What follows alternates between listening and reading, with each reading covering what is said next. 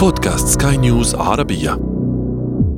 طابت أوقاتكم مستمعينا الكرام معكم إيمان جبور.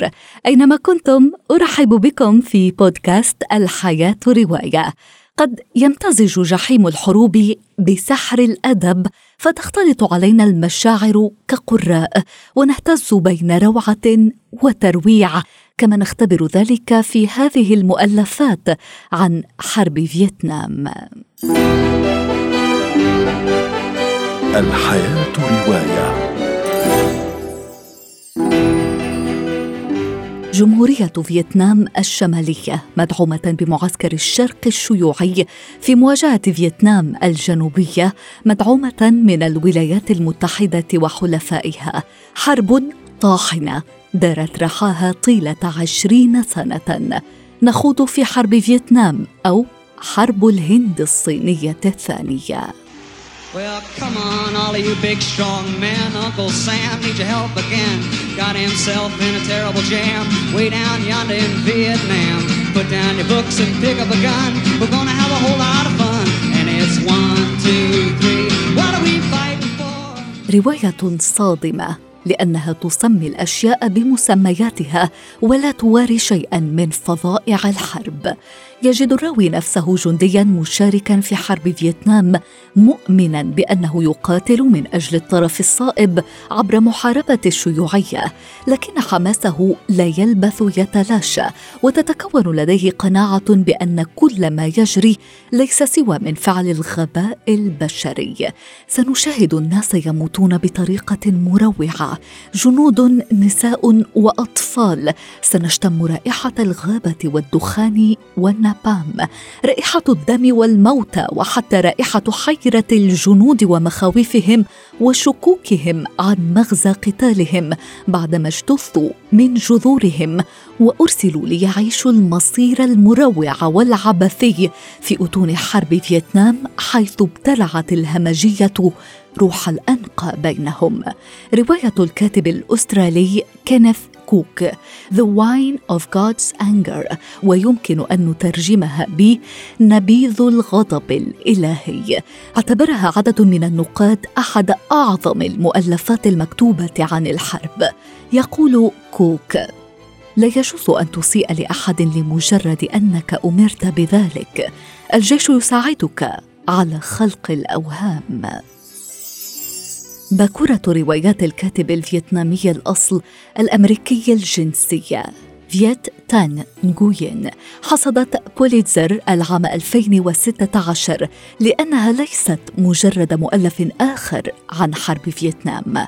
The Sympathizer. اعترافات خارقة لعميل سري شيوعي يعود بنا لسقوط سايغون عام 1975 إذانا بانتهاء حرب فيتنام ثم فرار الراوي الذي ليس له اسم صوب الولايات المتحدة مختبئا في أمتعة قائد الجيش الفيتنامي الجنوبي الذي كان مستشارا له. بين المأساة والمهزلة يصعب تصنيف هذه الرواية في خانة معينة فهي ليست رواية جاسوسية ولا رواية حرب.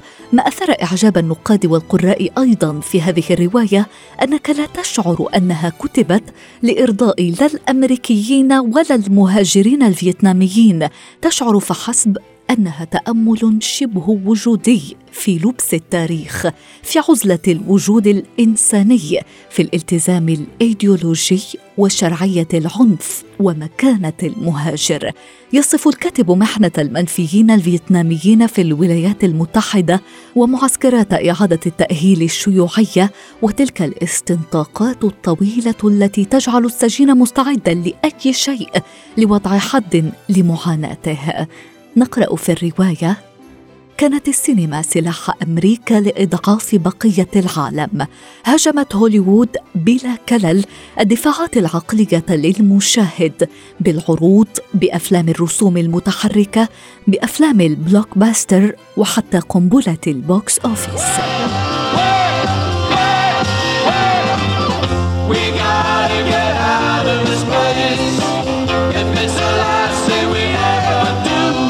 نعرف الأرز بألوان عديدة لكن آنا موي تحدثنا عن الأرز الأسود وهو عنوان هذه الرواية فهل هنالك فعلا أرز أسود؟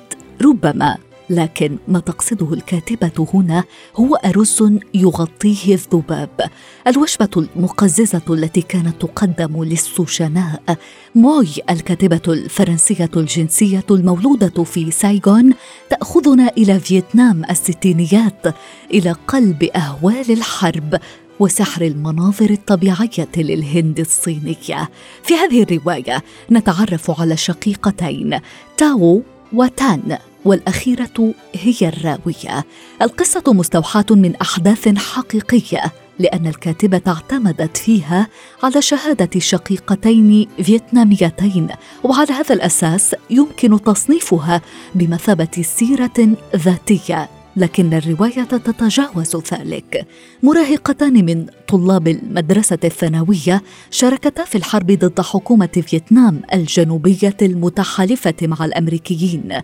يجري القبض عليهما وتعذيبهما قبل الزج بهما في معسكر بولو كوندور حيث تلبثان 22 شهرا قضيا معظمها. في أقفاص النمور.